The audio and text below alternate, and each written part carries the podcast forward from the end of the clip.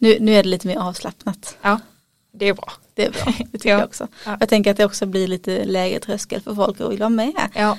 För att jag tänker att vi skulle vilja ha med många fler Mm. i podden. Ja. Och också tänkt att det kunde vara kul med elever om de vill vara med och sådär. Verkligen. Ehm, så att då tänker jag att eh, det behöver inte vara så upphaussat. Nej. Mm. Det är ju roligare att lyssna på också nästan. Ja, Ja. det är ju roligt att lyssna på när folk pratar lite strunt. Ja, men det är ju faktiskt det. Ja. Oh, ja. eh, men det blir jättekul att få en ny bok, eh, eller ja, många av böckerna är Mm. nya som vi har upp. Mm. Men någon som vi inte som faktiskt köper in därför Mm. att du har läst den, det tycker jag blir jättekul. Mm. Eh, så. Eh, så jag tänker att ja, men vi, vi kör igång tror jag. Ja.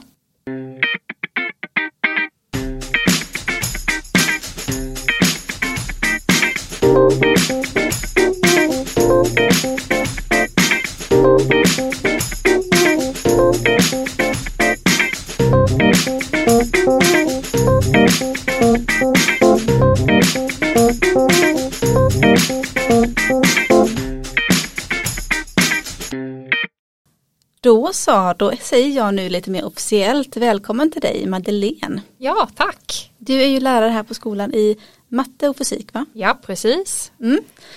Har inte jobbat jättelänge här men Nej, det är ju mitt tredje år nu. ja precis, Ja. ändå rätt så, rätt så varm i kläderna vid det Ja, jo, det, får vi väl ändå säga. Ja, precis. Det är jättekul att ha dig här. Ja. Och jag vet ju att du är också flitig läsare, du gillar verkligen att läsa. Jag gillar att läsa väldigt mycket. Och det hör ju kanske inte riktigt ihop med mina ämnen där men eh, jag skulle lika väl kunna vara svenska engelska lärare där så mycket som jag läser. Men, ja, ja, precis. Men jag tycker det är väldigt kul för att det är inte jätteofta som det blir att vi får prata böcker med eh, lärarna som jobbar med de mer naturvetenskapliga ämnena. Nej. Inte för att man inte nödvändigtvis läser men bara för att det inte blir så mycket tillfälle till att prata böcker med de lärarna. Precis, exakt. Så nej, det är jätteroligt att kunna vara med och dela med mig. med Lite Verkligen. tips. Mm. Verkligen. Och nu är jag ju nyfiken på vad det är för bok du ska prata om idag. Ja, eh, och det var lite svårt att välja tyckte jag. För jag hade ett helt lager som jag kände, ja men de- den här kanske jag skulle kunna välja och den här. Men jag valde den jag har läst senast nu. Eh, Och jag läser faktiskt uppföljaren just nu så jag eh, tänker prata om den första boken i den. Eh, Och den heter Ace of Shades, skriven av Amanda Foody. Eh, Och de finns inte på svenska ännu utan de är på engelska. Men denna gavs ut 2018 eh, så det är ju tre år sedan nu. Men eh, så finns det tre stycken totalt så det är en trilogi. Och den andra kom ut, jag vet inte om det var 2019 kanske och så den sista förra eller detta året eller någonting så det är ganska ny. Mm. Och hon är ganska ny som författare också tror jag för jag har inte läst någonting av henne innan. Nej, jag kände inte igen namnet när Nej. du sa det. Nej, precis. Ehm, så det är ju lite roligt med att hitta en ny författare. Ehm, och Ace of Shades heter den alltså. Ehm, lite fantasy-genre fast i dåtid kan man säga. Jag tror i alla fall att den utspelar sig i eh, en värld på ja, början av 1900-tal kanske. Så det är lite mer det här fina eh, samhället med fina damer eller lite de här gatugängen och sådär. Och fantasy, lite kärlek, mysterie, lite deckaraktigt. Så den har lite av allt kan man säga. Mm. Mm. Okej, men vad är handlingen här? Vem är det vi följer? Mm. Eh, en heter hon som är huvudperson, en Salta. Eh, och hon är en eh, fin dam då i det här samhället och i den här världen eller vad man ska säga så har alla människor eh, två stycken talanger som eh, på något sätt eh, karaktäriserar ens personlighet eller vad man är bra på. Eh, och en hon eh, har talangerna dans och matematik. Eh, Och då är det de, eh, det som hon ska jobba med eh, sen då. Så hon går ju på en dansskola och kämpar jättemycket. De här talangerna är ju någonting som man ska vara bra på också. Men hon känner ju inte riktigt att hon är lika bra som alla andra på detta. Så hon Nej, får är det kämpa. något- Är det något medfött man har eller är det något man blir given? Att du ska ha den här talangen, du ska träna på det? Nej, utan det beror på vilken familj man kommer ifrån. Som eh, hennes mamma då i det här fallet är dansare och pappan är då matematiker, lite simpelt förklarat. Och då får barnet då de här två. Så det är vilken familj man tillhör kan man säga. Eh, Så medfött, så det är där fantasyn kommer in lite, att man har någon slags talang. Eh, Och det kan ju vara eh, allt ifrån eh, Det finns några som har talanger att eh, skapa pengar och pengar är volts heter de i det här fallet så det är som blixtar i små kupor som jag har förstått det. Okay. Ja, så, så det är ju lite annorlunda än den värld vi lever i fast den är ändå väldigt lik den världen eller vad man ska säga. Eh, så hon är alltså en fin dam som går på dansskolan, hon får kämpa jättemycket jämfört med sina klasskamrater då, så någonting är ju kanske inte riktigt som det ska vara eh, för henne. Eh, hon är adopterad, Eh, växer upp, växer upp då med sin adopterade mamma och ehm, eh, sen plötsligt en dag så försvinner hennes mamma. Eh, och hon vet inte var hon tar vägen.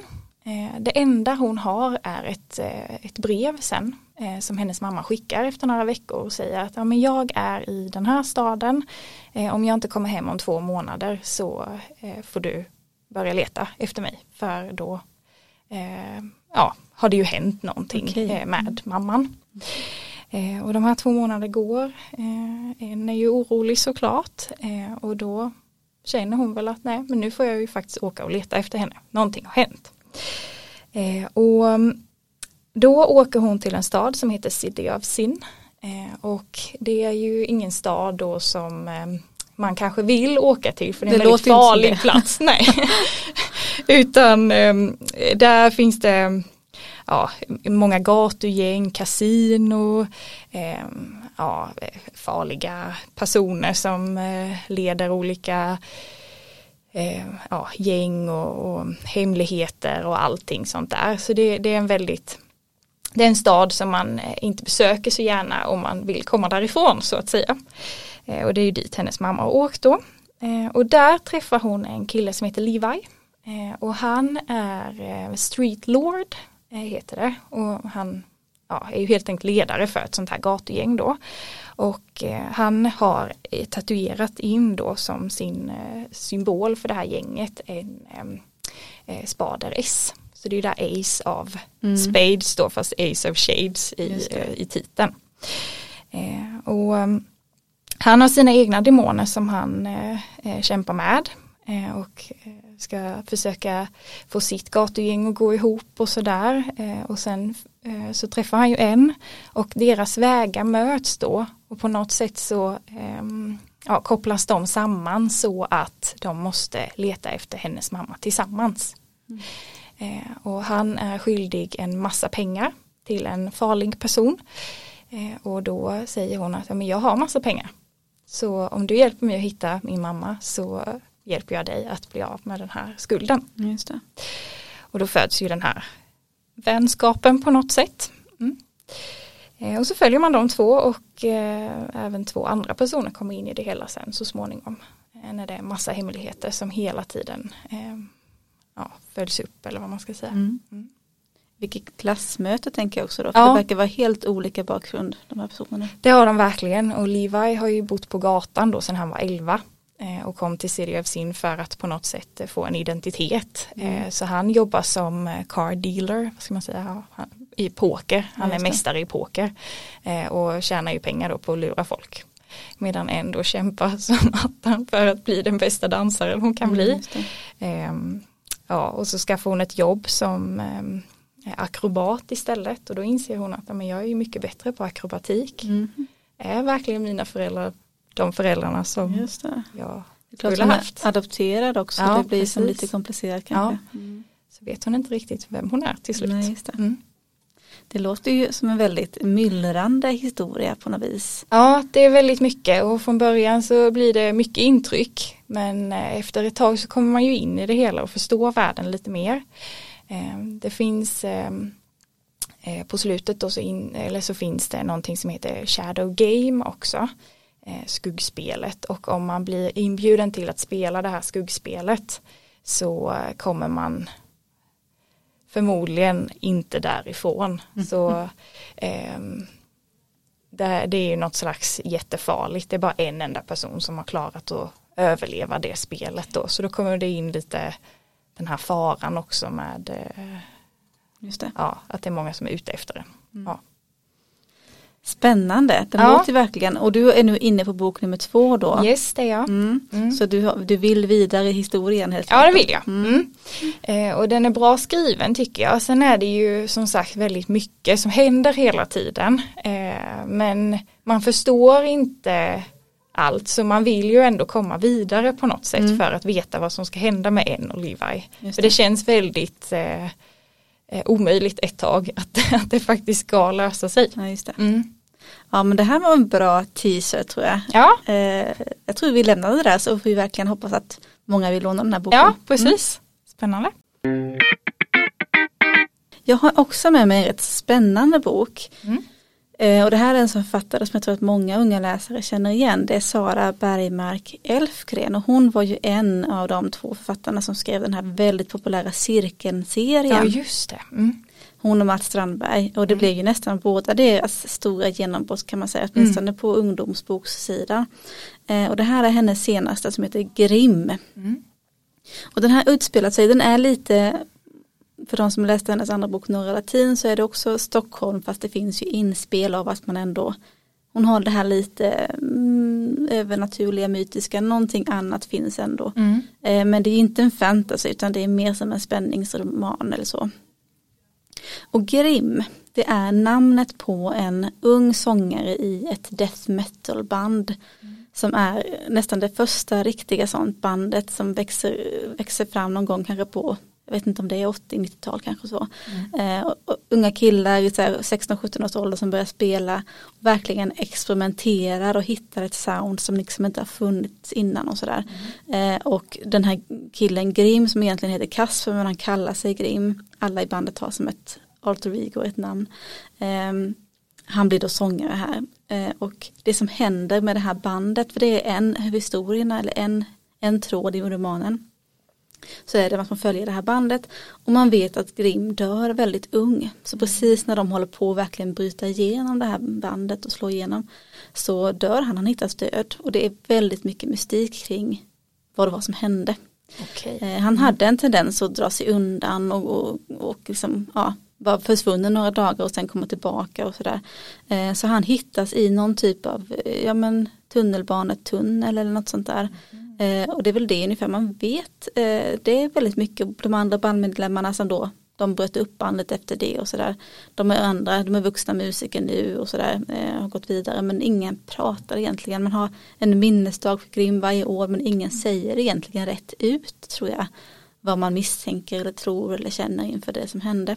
Nej. Och den andra berättelsen då det är nästa generation kanske man kan säga. Eh, det är sonen till basisten i det här bandet som Grim var sångare i. Bandet heter Dark Cruelty kan man också säga. Eh, och det är då Kasper, han har blivit 18 år nu så det har gått, det är typ 30 år sedan Grim dog. Mm. Kasper är 18, han har lite jobbig tid bakom sig, han har haft, varit inne i en depression. Han har haft det kämpigt i skolan med vänner och han har väldigt mycket negativa tankar och sådär men han har lyckats ta sig ur det. Och nu börjar han sommarlovet med sitt drömsommarjobb nämligen på Gröna Lund i Stockholm. Där han också av en lycklig händelse får hamna i den attraktionen som han gillar mest vilket är så här House of Horrors typ eller vad det heter. Ja, Där man då får jobba där inne med att skrämma folk. Ja. Han har lärt sig av dem i bandet helt Ja lite, han har väl lite grann den mörka sidan då. Ja. Eh, han är inte precis musiker själv, han är mer inne på att teckna och rita, han är rätt duktig på det. Mm.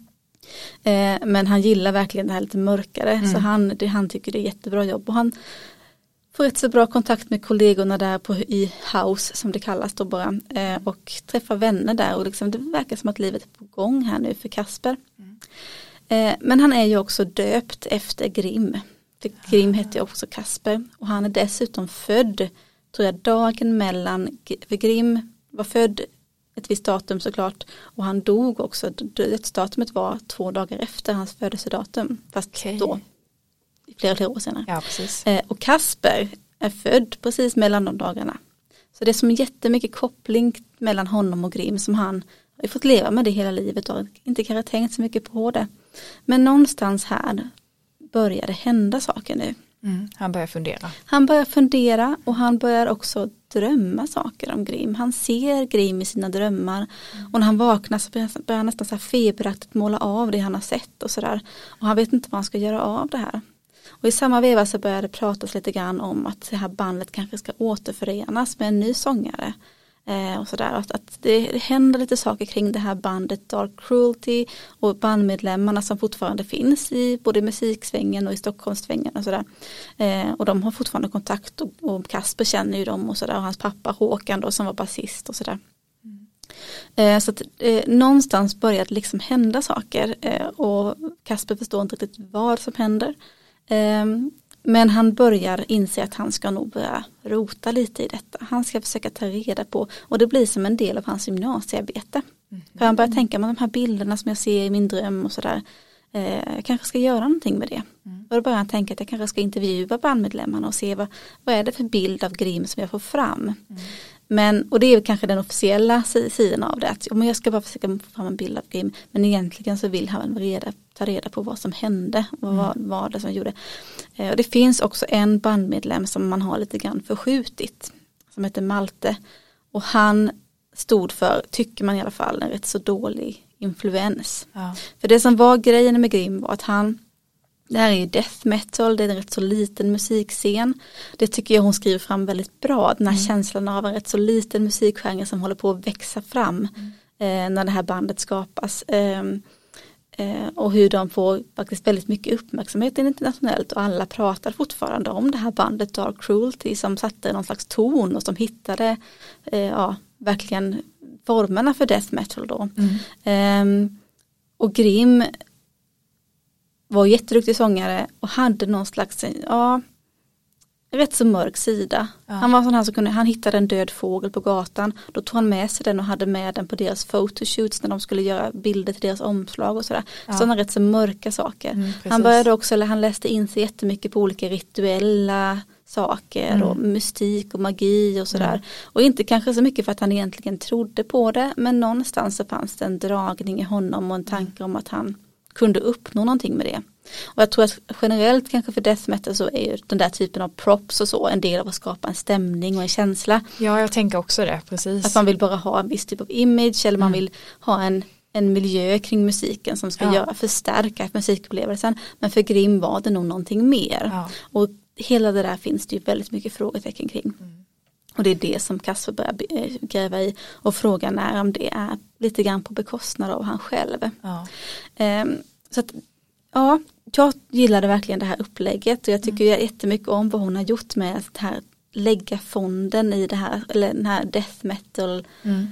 musikgenren som fond för den här historien. Eh, jag tycker kanske att den blev lite för lång. Eh, mm. Den ligger på 450 sidor. Mm. Eh, och jag kände bitvis att ja, men jag vill bara veta, mm, liksom, man vill mm. bara komma fram till det. Den är eh, väldigt spännande då. Ju. Ja men den är ja. spännande men samtidigt är det inte den det är inte den här skräckkänslan som jag kanske trodde man skulle ha. Nej. Det är inte en sån skräckbok som jag känner att man blev nästan mörkrädd av. Nej. Utan den är mer den är väldigt gediget skriven och det är mycket research förstår man och hon skriver fram karaktärerna väldigt bra. Och det är att hon berättar både ur det här bandets perspektiv, alltså ett dåtidsperspektiv och sen har hon också Kaspers perspektiv idag och dessutom har hon en slags ramberättelse som är ja. eh, någon som återberättar hela det här förstår ja. man och den, den, personen vet man inte vem det är förrän i slutet. Aha.